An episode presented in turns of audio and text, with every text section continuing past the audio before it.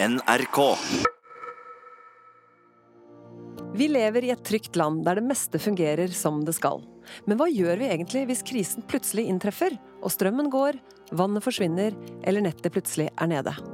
Vi har bedt dagens gjest om å lage en liste med det hun trenger for å klare seg i 72 timer, og på den måten være en del av Norges beredskap. Så det store spørsmålet er hvor forberedt er egentlig Elin Ørjasæter?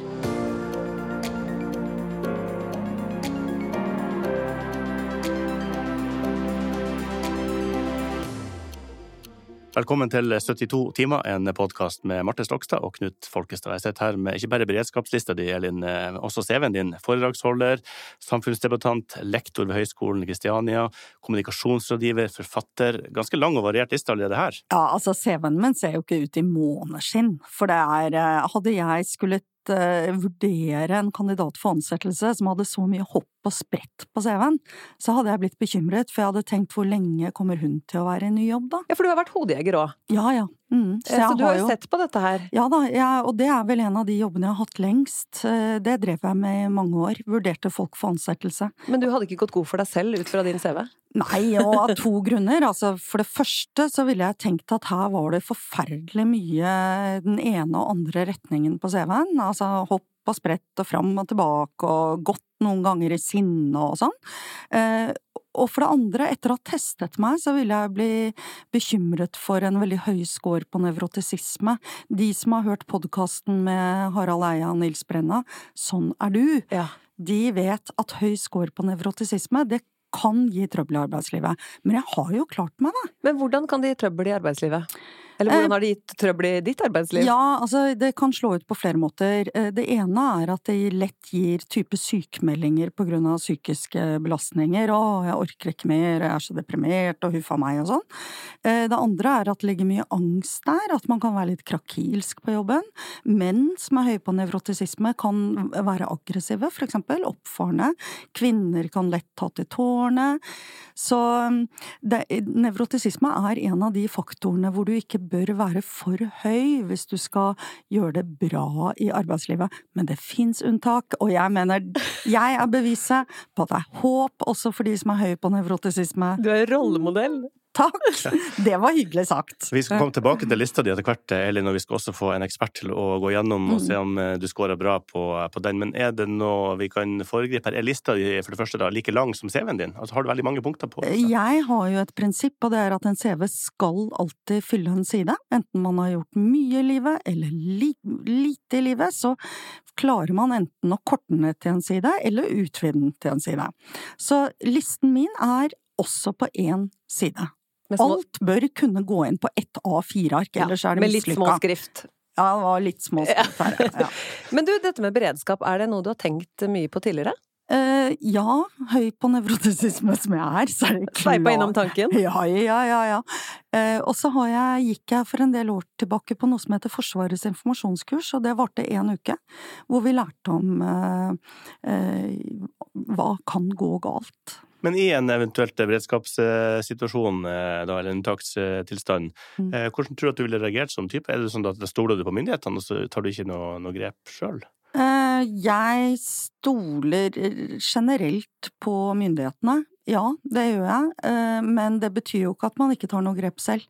Det er jo Myndighetene må jo ta vare på hele samfunnet, og da må vi som er selvhjulpne, klare oss selv, tenker jeg, mens jeg har jo en bror som er utviklingshemmet. Jeg har Akkurat nå har jeg ingen uh, pleietrengende gamle, men jeg har i alle år hatt det òg. Så uh, det er nok av dem som myndighetene må ta vare på. Og da sånne som vi, uh, tre som sitter her i studio nå, vi må kunne klare oss selv. Men har du vært i noen situasjoner hvor du har kjent på dette, nå vet jeg ikke hva som skjer, og fått panikk? Jeg har fått panikk mange ganger, men det har jo vært i situasjoner hvor det ikke har vært grunn til det. Type fergekøer, flyplasser, altså hvor alt egentlig er helt normalt, bare at jeg er redd for å ikke rekke det flyet, eller redd at båten kommer til å velte når den overhodet ikke viser noe tegn til det og sånn. Så jeg har hatt skikkelig panikkanfall i sånne situasjoner. Men jeg har faktisk aldri opplevd noe farlig. Ikke på ordentlig. Du har aldri vært i nærheten av et smell, på en måte? Jeg tror ikke det. Jeg har aldri Nei. Altså, jeg jeg, hva er det heter, jeg har hatt mange sorger, sa kjerringa, de fleste kom ikke. Der har du meg. Jeg har aldri vært i en reell krisesituasjon, nei.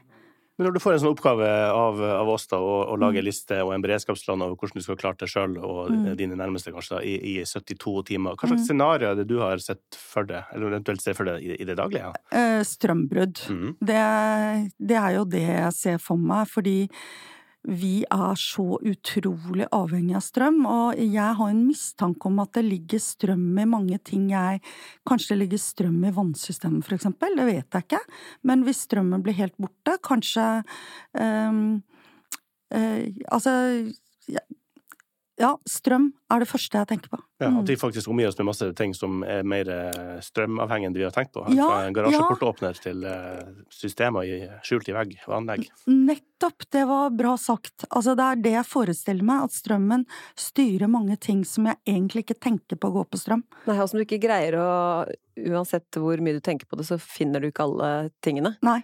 Mm. Jeg bare la merke til en ting. Du har to armbåndsur. Det er veldig sånn eh, forberedt på det krisesituasjonen. Nei, det, det, er fordi jeg har en skritteller. Ja, for... Jeg er en av de mange som eh, har kjøpt en Fitbit, heter den. Eh, som er eh, en av de mange trimtellerne du kan Men du bruker den i tillegg til det vanlige armbåndsuret ditt? Ja. For det er ikke klokke?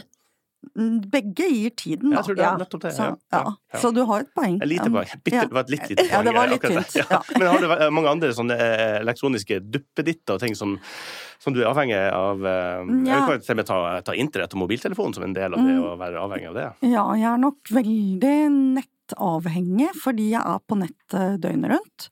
Ikke så mye på telefonen, faktisk, men jeg har Mac-en i fanget eh, så ofte jeg kan. Jeg savner den nå, for eksempel. ja, for det er en trygghet å ha den der? Ja, altså alt skjer på den Mac-en. Jeg leser bøker på Mac-en, jeg er på mail døgnet rundt, jeg er på sosiale medier, jeg er liksom Jeg leser aviser, selvfølgelig. Men hvordan er det for mannen din? For jeg tenker bare sånn Ja, han har også Mac-en i fanget. Ok, det er ja. greit at dere er enige om det, for det kan jo ja. sånn forholds, skape litt forholdsdramatikk, faktisk. Hvis ja. er veldig mye på nett og, og søker ut uh, ja, sånn sett. Ja, og det kjenner jeg til hos flere, men vi er med, vi koser oss, sitter lørdag kveld, og jeg med et glass rødvin og han med en øl, og så sier han et eller annet på Facebook, og så svarer jeg. Og det, og det syns folk er veldig morsomt, da. Men, men, men poenget er at det er jo akkurat som å være på en fest. Ja. Hvis mannen min sier noe jeg er uenig i på en fest, så går jeg ikke inn og hvisker han i øret at jeg er uenig. Jeg sier det så alle skal gjøre det. Så det gjør jeg på Facebook òg. Da skriver jeg på liksom den posten han har postet. Men er det snakk om liksom at sosiale medier har fått en litt sånn ny eh, vår i forholdet? Rett og slett fordi det har kommet inn et element vi, som Ja, vi hadde jo en, en kastevind i forholdet på sosiale medier når vi kom på Twitter i 2009. Da ble jo vi litt sånn øh, ja, vi ble litt gærne, rett og slett, av Twitter. Og vi var like gærne begge to. Så hadde vi dabbet litt av, og nå er det litt sånn Facebook. Men ja, jeg syns det er en fin måte å være sammen på, jeg. Ja. Altså, det, er et eller annet med, det gir jo liksom varme også når du sitter med en laptop eller en Mac. Ikke, ikke, send, ikke send meg pleddet, kjære. Jeg trenger ikke noe pledd. Jeg har... Eh, jeg har, jeg har varmen av deg via Facebook på bena mine. Glødende. Ja. Men det er jo at i en uh, situasjon der strømmen blir borte, for eksempel, så vil du, uh, du og mannen din rett og slett savna ja, men derfor, jo, men derfor jeg, skal jeg ha med sånne powerbank-greier, da. Ja. Eh, sånn at vi ikke mister eh, nettet. Eller nettet, ja! Ja, det kan forsvinne. Det kan forsvinne. Ja. Og hva gjør du da? La oss si at eh, vi sitter nå i et rom mm. på kanskje 15 kvadratmeter. Mm. Eh, se for deg et lignende rom, da. Strømmen går, så man bør samle mm. seg et sted. Mm. Eh, og skal være der noen dager. Mm. Hvordan hadde det vært for deg, Elin? Uten nett, uten... i samme rom, ikke fått brukt skrittelleren uh, mm. mer enn på de 15 kvadratene. Det kommer jo an på hvem jeg var sammen med. Uh, hvor mange vil jeg ha ansvar for? Hvis det bare var meg og mannen min og bikkja, så måtte vi jo begynt å snakke sammen, da, eller eh, ja. Men hvordan hadde du vært i en sånn situasjon? Hadde det vært mye 'å herregud, nå vet jeg hva som skjer'? Ja, jeg hadde nok vært ganske hysterisk. Og jeg tror at både mann og barn, nå har jeg to voksne sønner, så de skal kanskje ikke være sammen med oss i en sånn situasjon, men De, de gangene det har vært tilløp til at noe er litt hektisk eller kritisk, så blir jeg veldig fort avskiltet. Og jeg, det er liksom ikke sant, familien hører på meg hvis jeg uttaler meg om ting og tang, om politikk og yrker og sånn i middagsselskap, men hvis det skjer noe litt sånn kritisk, så er det bare sånn derre greit, mamma, vær stille. Ja. Så Altså, du, du har større gjennomslagskraft i det offentlige samfunn enn du har på hjemmebane. Mye større. Jeg kan ikke sammenlignes. Men jeg har gjennomslag i familien på sånne greier som jeg også eh, kan snakke om offentlig. Altså, yrkesveileder, der er jeg liksom bra. Men hvis det er mer sånn derre Oi, nå skal vi rekke et fly, vi har dårlig tid, liksom. Det er bare sånn derre Vær rolig. Men- Ikke lag trøbbel, mamma. Det er, og så ordner de andre taxi og fikser og Ja. Men er har du blitt fratatt noen ansvarsoppgaver i familielivet på grunn av at du er litt nevrotisk? Ja, det skjer jo hele tiden. Ja, hva er det du ikke får lov å ha ansvar for, da? Nei, det er jo de praktiske tingene. Nå, nå merker jeg blir litt sånn Får litt stressnivå når du ser på meg og spør. Jeg kommer ikke på noen ting. Nå får jeg hjerneteppe. kommer ikke på ett eksempel. Økonomi, for eksempel, eller bestilling av flybilletter, sånn alt som skal ordnes. Nei, de tingene insisterer jo jeg på å ta, men så er jeg ikke så veldig god på det. Så eh, jeg er veldig sånn kontrollsyk. Nevrotisk kontrollsyk. Ja, så du vil gjerne ha noe med det å gjøre, og så Ja, og så blir jeg bare stressa.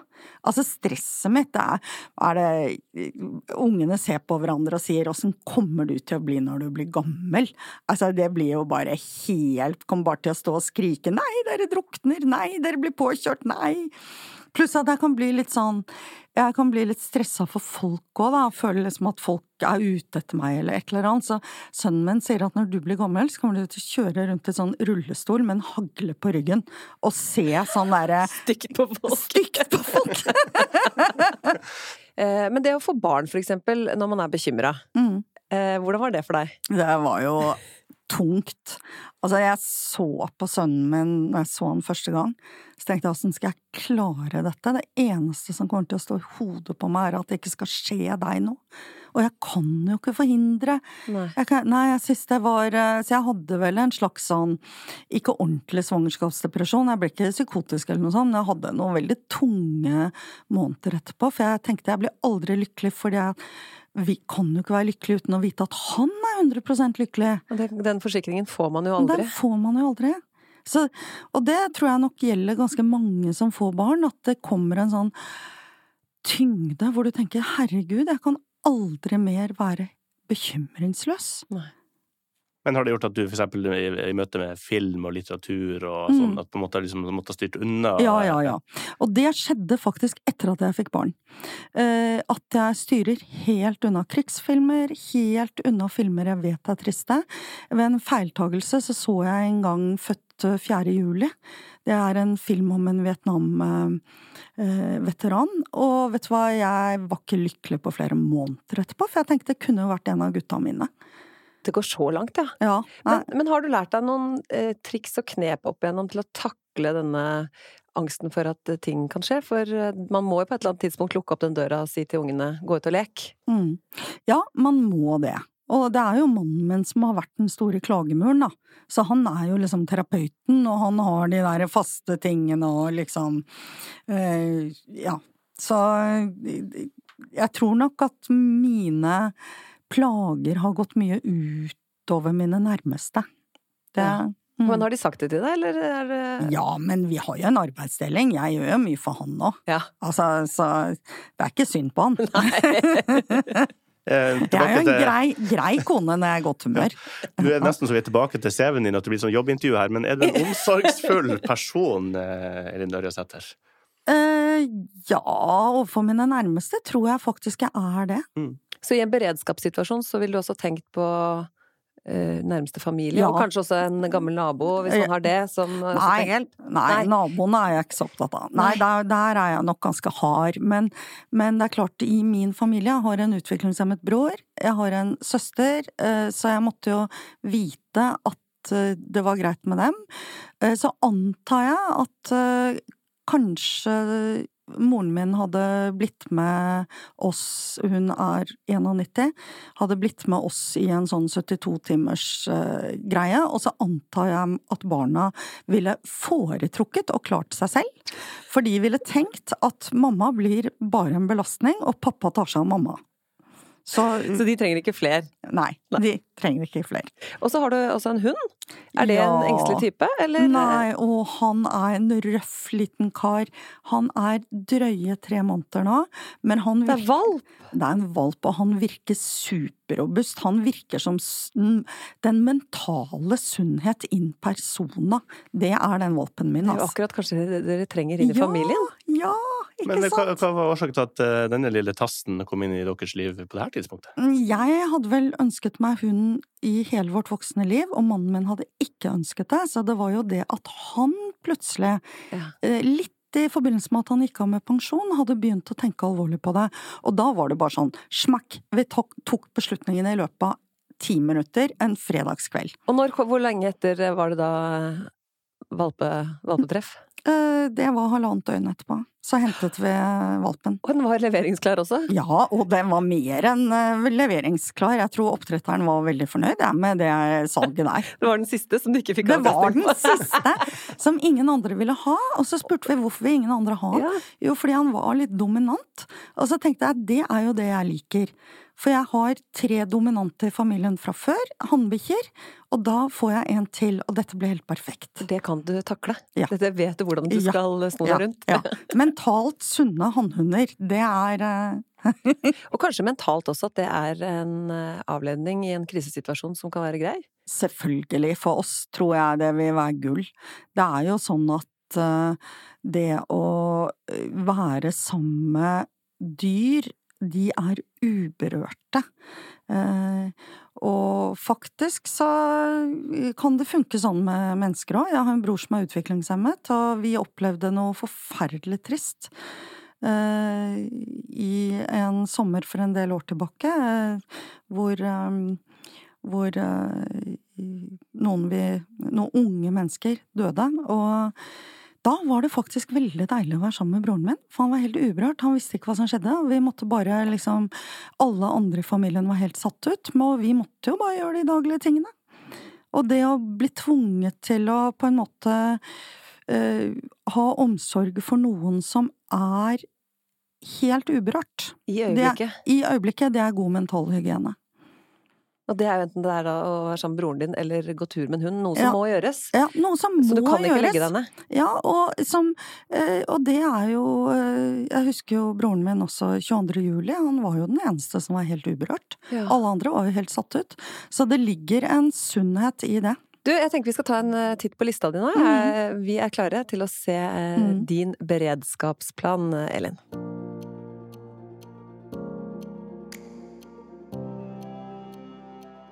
Du hører på 72 timer. Dagens gjest er Elin Ørjasæter. Elin Ørjasæter, du har skrevet din beredskapsliste, som vi nå skal gå gjennom.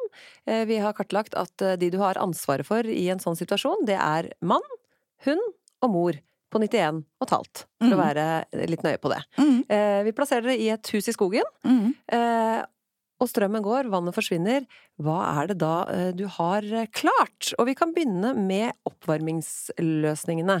For du nevnte i stad også at eh, du var opptatt av dette med hvis strømmen går, mm. så dette har du tenkt på? Ja, men det er jo oppvarmingsløsningene hvor jeg ikke har kommet til noen løsning, da. Du begynner med det vanskeligste. Fordi i dette huset som vi har, ja. så eh, tok vi oss ikke råd til å Det er nybygd, vi tok oss ikke råd til vedovn. Derimot så har vi varmekabler i gulvet. Ja. Og i en krise så er jo det helt krise. Ja. Eh, og jeg har diskutert med mannen min, fins det noe sånn parafinbrenner eller Nei, så jeg er veldig beit når det gjelder det med oppvarming, men det mannen min sa, det var det at du fryser ikke i hjel på 72 timer hvis du har godt godt med ullpledd, dyner, så vi dør ikke selv om det blir litt ufyselig. Så dere har pledd, for i sted så snakker vi om at dere bruker Mac-en og laptop som eh, Som fangevarme? Du, vi har Jeg har gått med ullpledd og dundyner, og, og så holder jo bikkja det, det å ha en, en valp i fanget gir jo mye varme. Ja. Så, eh, så jeg har liksom ikke løst helt det der med oppvarming. Nei, men det er, du er i prosessen. Jeg er i prosessen, ja. Det kan jo også skje- eh, at det her eh, skjer på en eh, varm sommerdag. Definitivt. Ja, da hvor du må lufte, faktisk. Ja. Eh, Hvis vi kan lufte, da. Hvis det ikke Ja. er en eller annen jo gift i lufta. Det vet vi jo ikke. Mm. Alle muligheter åpne. Eh, vi går over til mat. Eh, viktig å ha når man skal gå 72 timer på samme sted. Nei. Har du, nei, for der Nei. er vi litt uenige. For at, har du erfaring med å gå uten mat? Ja, jeg mener jo at faste er veldig sunt. Det er, jeg er veldig lite opptatt av helse og sunnhet og helsekost og sånn, men med ett unntak, og det er faste.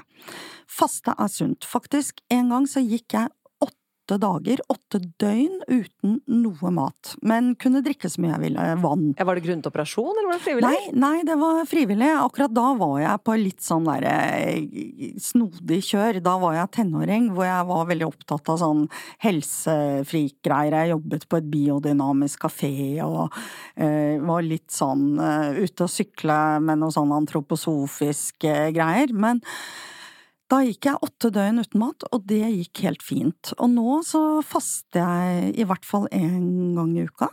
Og det går helt fint. Så når jeg fikk beskjed om at det skulle være 72 eh, timer, så tenkte jeg at jeg gidder ikke ta med noe mat, men så tenkte jeg på de andre. Bra. Og så tenkte jeg også på hyggen, fordi eh, Og jo mer jeg tenkte på det, jo mer tenkte jeg at vi må kunne ha det litt hyggelig, så da ble det jo ikke bare mat. Da ble det jo også noe å drikke og litt sånn forskjellig. Ja, for her ser jeg på lista di, Elin, fenalår. Mhm, Fantastisk eh, mat i seg sjøl. Mm. Eh, flatbrød og svart sjokolade. Ja, og det er fordi dette er også mat som holder seg uansett temperatur. Og jeg tenkte at eh, Først tenkte jeg spekeskinke, for den er større, men fenalår er bedre, og det er bare 72 timer. Men kanskje vi skulle tatt både Det er ikke sant at, spekers, at fenalår er bedre, har du en skikkelig god spekeskinke, er det like bra. Så kanskje vi skulle ta med både en spekeskinke og et fenalår. Mm, Det Litt, tar jo ikke litt all verdens også. Litt serranoskinke. Ja, mm. ja. Og, eh, og flatbrød er også noe av samme Uansett hvor varmt det er, så, så For det kan jo være en veldig varm sommerdag, Ja. og da er dette bra mat. Og hvis det er kaldt, så er det også greit å få i seg mye salt. ja, men også det med salt det gjør jo at man blir veldig tørst. Ja, og derfor har jeg med 15 liter vann, og det mener jeg må holde. Ja, for hva er anbefalingene, Knut? Tre liter vann per døgn per person. Hæ?! Det blir jo ni ja. ganger Ja. tre. Du er på merket. Hvis du, det blir Nei, 18. jeg sa 15. Ni ganger tre Ja, ok, det er 18, da. Ja, Og så bikkja òg. 27, ja. Ja, jeg har med Og litt alt ekstra på grunn av den salte maten, da. altfor lite ma- vann, da. Jeg må ha med 40 liter. Ja, Mm. Da gjør vi om til 40 liter. Ja. Eh, Men da tenker du at du er eh, Men, klar ok, men hvis, har du, har du eh, noe dunker eller noe sånt kasseroller eller noe sånt, så du kunne fylt opp på forhånd? da, Hvis Nei, vannet blir borte? Det har jeg glemt. Ja. Mm. Det har jeg faktisk glemt. Jeg må ha plastkanner til 40 liter. Ja. Mm. Mm. Da setter du det på innkjøpslista. Eh, og så har du med noe annet drikkbart også. Tre liter kald, ferdigtrukket, syrefri kaffe. Ja. Hæ? Men- Hæ? Nei, men bare ehm, Kald er en ting. Det kald. Jo. Men skal du, hvis du lager den nå, så får du bruk for den om fire år, da? Ja hmm, Jeg bør kanskje lage en ladning hvert halvår. Poenget er at jeg er veldig, veldig redd for å gå ø, fri for koffein i, i blodet, Ja, rett og slett. Hva skjer da? Hvis du Nei, ikke da får får jeg knallvondt i hodet, og blir helt umulig av meg å gjøre. Altså, jeg blir så jeg, Det er vel sånn om, som om jeg var veldig fyllesyk, på en måte. Altså, jeg blir helt eh, umulig. Og har det forferdelig, så det må bare ikke skje. Koffein, og det er derfor jeg også har satt på Red Bull. Ja, fordi- Seks Red Bull. Ja, kanskje jeg skal droppe den ferdigtrukkede kaffen, for jeg ser poenget at da må jeg liksom stadig trekke drikke fra eh, Og så heller rett og slett bare ha Går det ikke an å få koffein intravenøst? Jo, jeg, jeg tenker at dette punktet nesten burde vært flytta over til medisin. Ja, Ja, Ja. for det høres ut som nesten noe du trenger. ja, det er noe jeg trenger. Så hvis det fins noen Dette er en idé! Ja. Hvis det er noen gründere som hører på nå, eller noen som jobber med medisiner og lager koffeintabletter, Eller plaster, sånn som man har på røyke... eller plaster, Ja. sånn, at, sånn at jeg slipper å holde på med all denne du, Ta bare bilde av utsikten, og så får du noen kaffefolk Ja. skriver 'her mangler det bare', og så kommer Ja. eh, kaffe, Koffein. det nye koffeinproduktet. Ja. Og grunnen til at det ikke står Nes-kaffe der, det er jo fordi det syns jeg er så helvetes vondt. Ok. At um, Uh, Og jeg blir litt sånn dårlig i magen, jeg skjønner ikke at folk orker å drikke Nes-kaffe, men koffeintabletter er en god idé. Men også har du en bag-innboks med rødvin. Ja, og det tenker jeg for hyggen. Fordi med fenalår, og nå har vi lagt til en god spekkskinke òg, Ja. vi, vi skal jo sitte der veldig mange timer, da. Uten nettilgang, antageligvis. Å, herregud. Ja, skal, da. skal vi, kan vi ta, for det kommer på, jeg ser på lista di her, Elin. Har du tenkt på noe Hvor får du informasjon ifra?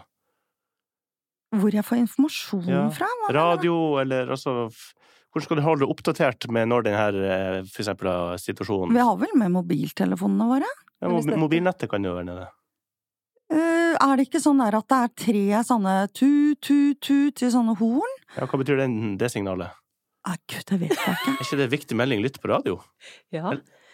Ja, og fader, en radio!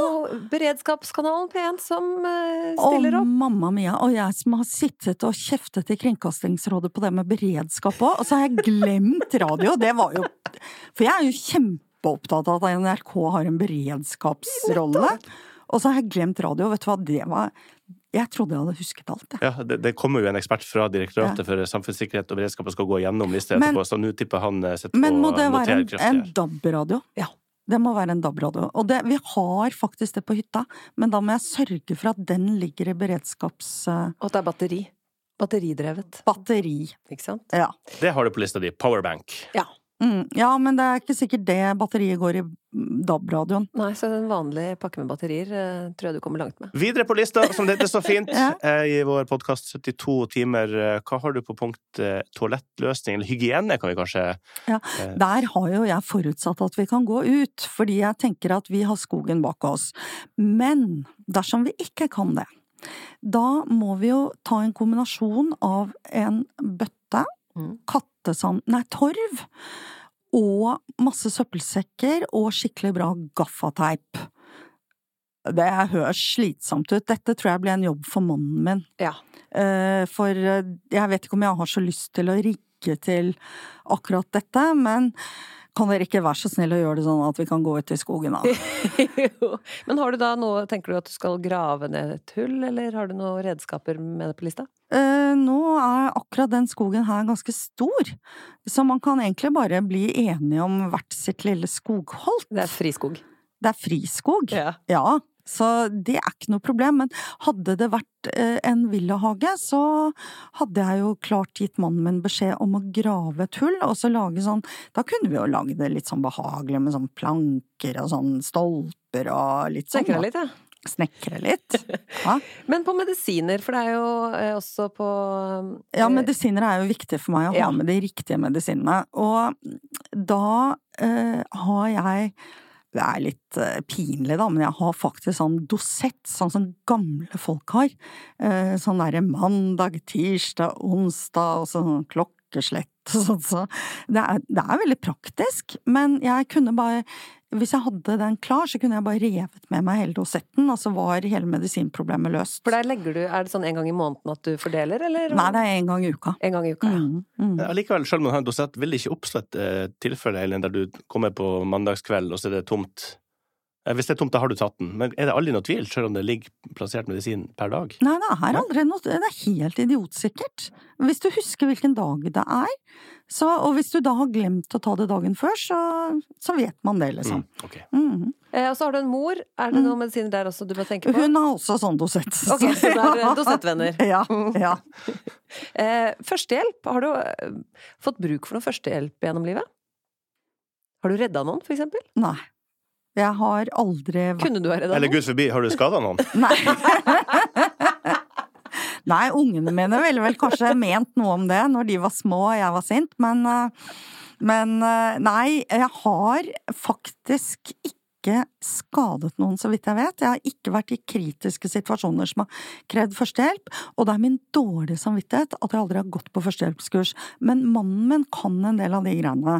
Han er utdannet vernepleier og har også vært med i Sivilforsvaret, vært med, ikke sant. Han, så jeg ville jo satset på at Men jeg har ikke tenkt på det, står det ikke noe førstehjelpsutstyr på lista?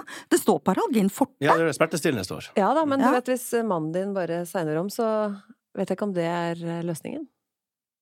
Det hjelper Nei, eller? da må jeg plaster be eller val- val- valpen om hjelp. Det er like greit at valpen gjør det. Du, verken jeg eller mamma er noe gode på sånn. Det er jo min skrekk, vet du hva, som jeg er skikkelig redd for. Nei. Og det har jeg tenkt på mange ganger.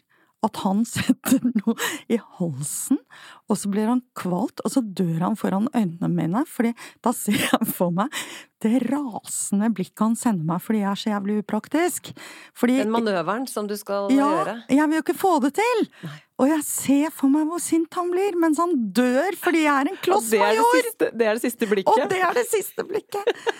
Men hva skal vi gjøre med dette, da? Gå på Altså, førstehjelpskurs, eller? Jeg bør på førstehjelpskurs. Ja. ja. Mm. Fyll på eh, det på CV-en din. Det er noe her som, er, som gjennomsyrer både samtalen og, livet ditt, virker Mm. det som, Eileen Øresæter. Underholdning, du har et eget punkt, eh, lesestoff Ja. underholdning her, på Mm. din beredskapsliste. Mm. Eh, Mm. og der har du da bibel og salmebok. Ja. Er du glad i å synge? Nei, men moren min er glad i å synge, og så tenker jeg dersom mamma plutselig skulle dø Altså, hun er jo 91 og et halvt, så statistisk sett så er det jo ikke helt umulig at hun skulle finne på noe som å dø da, i løpet av de 72 timene, eller særlig hvis det var krig eller et eller annet som gjorde henne stressa. Ja. Hun har jo dårlig hjerte. Og da tenker jeg at da må jeg gjøre noe hyggelig for henne mens hun dør, og da tror jeg hun ville like at jeg leste salmer. Eller sang salmer. Men helt seriøst, da, med, med hennes eh, alderdom, er det Mm. sånn at er hun sårbar med tanke på altså, det med mat? Eh, Mm. altså, fenalår og serranoskinke er jo godt. Eh, Flatbrød likeså. Eh, du var ikke så forberedt på varme, eventuelt. Mm, Altså, mm. vil det være et problem? Eh, det er hun som elsker svart sjokolade. Jeg tror faktisk at hun kan leve på svart sjokolade i 72 timer. Men så har du også med monopolspill, for det er jo Ja. for å få tiden til å gå. Ja. Er du glad i kjøp og salg av eiendom og Ja, og jeg elsker det. Jeg drømmer meg en tilværelse som rik. Eh, og mamma er glad i Monopol. Eh, Nils er ikke så glad i Monopol, men han er med. Så da kan vi gjøre noe som, som på en måte passer for alle tre. Ja, det pleier å vare i rundt 72 timer også. Ja, det, det er er jo et veldig langtekkelig spill. Det er akkurat det. Og så tror jeg faktisk at eh, Direktoratet for samfunnssikkerhet og beredskap har sagt at det er alltid lurt å ha noen kontanter, i tilfelle nettet bryter ned. og- Så da har du monopolpengene dine, og så går du Men kontanter har jeg faktisk glemt. Har du kontanter liggende? Aldri. Nei. Eh, Og så ser jeg vel for meg at det er litt mer sånn dramatisk at det eneste som går er gull, tenker jeg. Ja. For det har du. Nei, det, nei, jeg har en forlovelsesring i hvitt gull. Du får bytta bort. Eh, Så med noen steiner og greier, så jeg tror det, det er vel den som ryker først når vi trenger en kanne bensin eller enda verre en kanne vann. Ja, så du går inn i en byttehandel. Mm. Også på power, altså på, du har med deg powerbank Mm. for PC, nettbrett og telefon. Mm. Da regner jeg med at, og med ditt eh, og mannen din sitt forbruk også, så eh, må det være en del ferdiglada Ja. powerbanks. Ja, det må nok det. Det får være hans oppgave. Ja. Jeg tror vi skal overlate en del til han her. Både oppvarming, kloakk og eh, elektronisk eh, batteri. Og førstehjelp, i parentes. Og førstehjelp, men det er jo det grusomme hvis det er han det skjer noe med, da. Ja. Så eh, mamma og jeg er jo helt ubrukelige når det gjelder sånne ting. Men eh, hunden den har foreløpig god helse, får griseører Å ja. og er et muntrasjonsråd. Ja. Eh, Stresser han deg ned i sånne situasjoner? Å ja. Han er jo Vet du hva? Det er en eneste stor lykkepille av en hund. Så du er eh, nå anbefaler alle å få Alle seg med hund? Ah. Livet er for kort til å ikke ha hund. Men akkurat den Nei. hunden. Det Ja, det. Ja, det. Og anbefaler alle å ha akkurat den hunden. Jeg tror nok at du bør ha tid for å ha en hund. Ja. Så for oss er det denne fasen i livet. Jeg er overrasket over hvor krevende det er å ha en valp. Jeg er skikkelig overrasket over Altså, for å oppdra en valp, du må jo være på den hele tiden. Går dere på kurs og sånn? Eh, mannen min skal begynne på kurs nå, ja. Mm. Men du skal ikke? Nei, jeg får en ferdigoppdratt hund, jeg. Fordi jeg er gift med en pensjonist. Det er helt fantastisk. Jeg anbefaler alle å være gift med en pensjonist og skaffe hund. En nydelig livsråd. Mm. Eh, nå skal vi snart eh, oppsummere din beredskapsliste.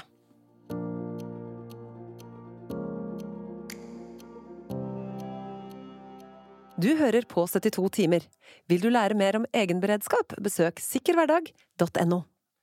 Da, Elin Øresæter, skal vi gå gjennom eh, lista di eh, punkt for punkt. I alle fall få en slags konklusjon på det hele. Harald Rasmussen, du er seksjonssjef i Direktoratet for eh, samfunnssikkerhet og beredskap. Og når noen derifra kommer inn med et smil om munnen, så tenker jeg det må da være positivt for Elin. Ja, det, det er jo det. Jeg tenker først og fremst at vi må jobbe litt med det mentale her. Eh, Du har Du er ikke den første som sier det. Har du noen flere nyheter å komme med, eller? Du, du har sagt eh, under intervjuet at du, eh, at du fort blir avskiltet i familien i stressituasjoner osv. Ja. Vi kan ikke risikere at du blir en byrde inn i en eh, krisesituasjon. Mm. Derfor så tenker jeg at det kan være lurt å gi deg ansvaret for denne listen, og deg ansvaret for på en måte det utstyret, den maten, den drikken dere har. Mm. Sånn at eh, først og fremst for å sysselsette deg eh, på noe fornuftig. Smart. Eh, Da får du eh, kontroll, Mm. eh, og sannsynligvis blir du roligere Mm. av det. Ja, men det Eh, Så det var liksom det første Mm. jeg tenkte jeg skulle si. Ja, å kunne være forberedt, ja. At hun Ja, men det var klokt innspill, for det ligger jo i den eh, høye nevrotisismen hos meg, så ligger det jo også mye bekymring, og ut av bekymring kan det jo komme en plan. Ja. Så, mm. Og hvis mannen din hadde fått dette ansvaret, så hadde jo du kanskje blitt veldig stressa. Har du ikke Ja. tenkt på det? Pluss at han hadde jo glemt noe, for han er så avslappet. Han hadde det, ja. Ellers, Harald, eh, det virker som hun hadde ganske bra plan for eh, de eh, 72 timene. Ja, absolutt. Ehm, Det første jeg la merke til, var jo dette med varme i huset, og mangel på alternative varmekilder. Mm. Eh, og så var du smart og delegerte det til mannen din, og da Mm. slipper du på en måte litt unna. Men jeg tror vi skal si litt om det allikevel. Ja. Eh, Det fins nok noen løsninger for å kunne varme opp eh, hus eh, uten vedfyring, altså som bare har elektrisk. Eh, Det går det an å sjekke ut. Ellers så er jo et alternativ å gjøre avtale med noen naboer eller noen i nærheten, noen venner, eh, familie, og flytte inn der eh, for denne perioden. Det, det går også an. Jeg er mer for å finne en løsning selv. Ja, da blir det mannen din, da. Men hva, hva slags løsninger er det? Parafinbrenner eller noe Nei, jeg har ikke lyst til å gå inn på det. Jeg vet det fins noen gassløsninger Ja. og sånt, men jeg er ikke fullt kjent med det. Ja. Men du Mm. hadde jo eh, helt utelatt eh, oppvarming av mat, for der løste du jo det Ja. greit med, med tørka kjøtt, rett og slett. Mm, mm. Ja, og det tror jeg kanskje ikke er så lurt. Oh.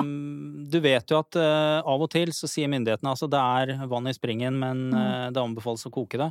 Mm. Det kan være lurt å ha en kokemulighet, sånn at du For du hadde jo satt opp litt lite vann også Ja. per person. Nå har du jo korrigert det underveis, mm. men det å ha den oppvarmingsmuligheten, Mm. det tror jeg er fornuftig. Et kokeapparat Et Stormkjøkken, rett og slett. ja, for eksempel et Mhm. stormkjøkken. Og Mhm. da kan du også kanskje få variert eh, kostholdet ditt litt. lite grann. For jeg, jeg tenker at det er eh, Fenalår er en god idé. Mm. Og det er lov å kose seg litt eh, Mhm. selv om det er krise. Men det er klart, mye av sjarmen med fenalår blir nok borte på døgn to. Eh, Ja, samtidig så mener jo jeg at mat er noe man kan klare seg uten på tre døgn. Er du uenig i det, eller? Eh, I utgangspunktet så er jeg jo ikke, jo- jeg er ikke uenig i det, men jeg Mm. tror hvis du skal finne tidspunkter å faste på, så er nok ikke krisesituasjoner eh, det jeg ville valgt. Eh, For la oss Bra si sagt. etter, Mm. etter tre døgn, hvis du da må evakuere i full Mm. fart for eksempel, så er det greit å ha litt energi. Mm. Mm. Eh, På sanitær, hun nevnte at toalettmulighetene er ute i skogen. Eh, eventuelt med noen poser og sånn. Det høres greit ut. Ja, det er jo helt eh, fantastisk. Der har du virkelig slått til, syns jeg, på Det det, punktet. Ja, ja, ja. Det er helt supert. Kloakk, der var hun god! Ja, ja. men så bra, da. Oh yes. Ja. Men, men eh, har direktoratet for eksempel anbefaling på eh, mer eh, altså type våtservietter, den, altså mer eh, intimhygiene, enkle ting som det? Ja, eh, det er nok lurt å tenke oh, ja. på, Ja. på hele kroppen, holdt jeg Ja, på å si. Og det er, mm. ikke, det er ofte ikke så mye som skal til, men Mm. våtservietter for eksempel er veldig, veldig fornuftig. Førstehjelputstyr eh, var- sto heller ikke på lista di. Nei, det gjorde ikke det. Du tenkte at Paralgin forte tar det meste? Paralgin forte og sovepiller har jeg altså skrevet opp. Ved tilfelle noen av familien får søvnproblemer. Ja. Rødvins, Paralgin forte og sovepiller, der har du en bra cocktail. Da tror jeg vi sier natta. Ja, ja. Ja, det er ikke sikkert det redder liv. Eh, Jeg er faktisk veldig usikker. Men Ja. eh, førstehjelpsutstyr er fornuftig. Ja, og hva snakker vi om da, helt konkret? Bandasjer og sånn, eller? Ja. Ja. Bandasjer, plaster, ja. eh, ting til å rense sår med, Ja. eh, for eksempel. Mm, mm. Og så er det en siste ting jeg tenker også, og det, er, det går på dette med informasjon. Du, Mm. du har jo beskrevet eh, kveldene hjemme med Mm. Mac-en på fanget, Mm. og veldig aktiv på sosiale medier. Og som dere har vært inne på, de blir kanskje borte. Eh, Du har fått med deg, jeg er helt sikker på at du nå husker på DAB-radio. Eh, Det er jeg helt, helt sikker på, til og med med batterier. Mm. Eh, og det er lurt å, å, å- å være klar over at det, informasjonsbehovet er nok ganske stort i en sånn krise, og da får du det Da får du god myndighetsinformasjon gjennom f.eks. NRK P1. Mm, mm. Nei, det kommer jeg til å huske. Jeg ser for meg den DAB-radioen. Den står på en hylle på hytta. Den skal nå være lett tilgjengelig i alle situasjoner. Eller kjøp deg en til, så er to. En på hytta og en på hjemme. hjemme og, ja. Godt poeng. Sa mannen som jobbet i NRK. Ja. Ja. Men jeg er jo helt uavhengig når det gjelder valg av eh, kilde. Altså, Ja. Hva slags type radio du velger å gå til anskaffelse av. Mm. Tusen hjertelig takk for at du kom, Elin Ørasæter. Nå vet du hva du skal gjøre for å fullføre lista di, men alt i alt veldig bra. Takk for at jeg fikk komme.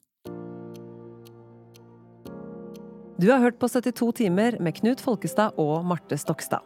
Vil du vite mer om egenberedskap eller trenger tips til hvordan du setter sammen ditt beredskapslager? Besøk sikkerhverdag.no. Sammen er vi forberedt.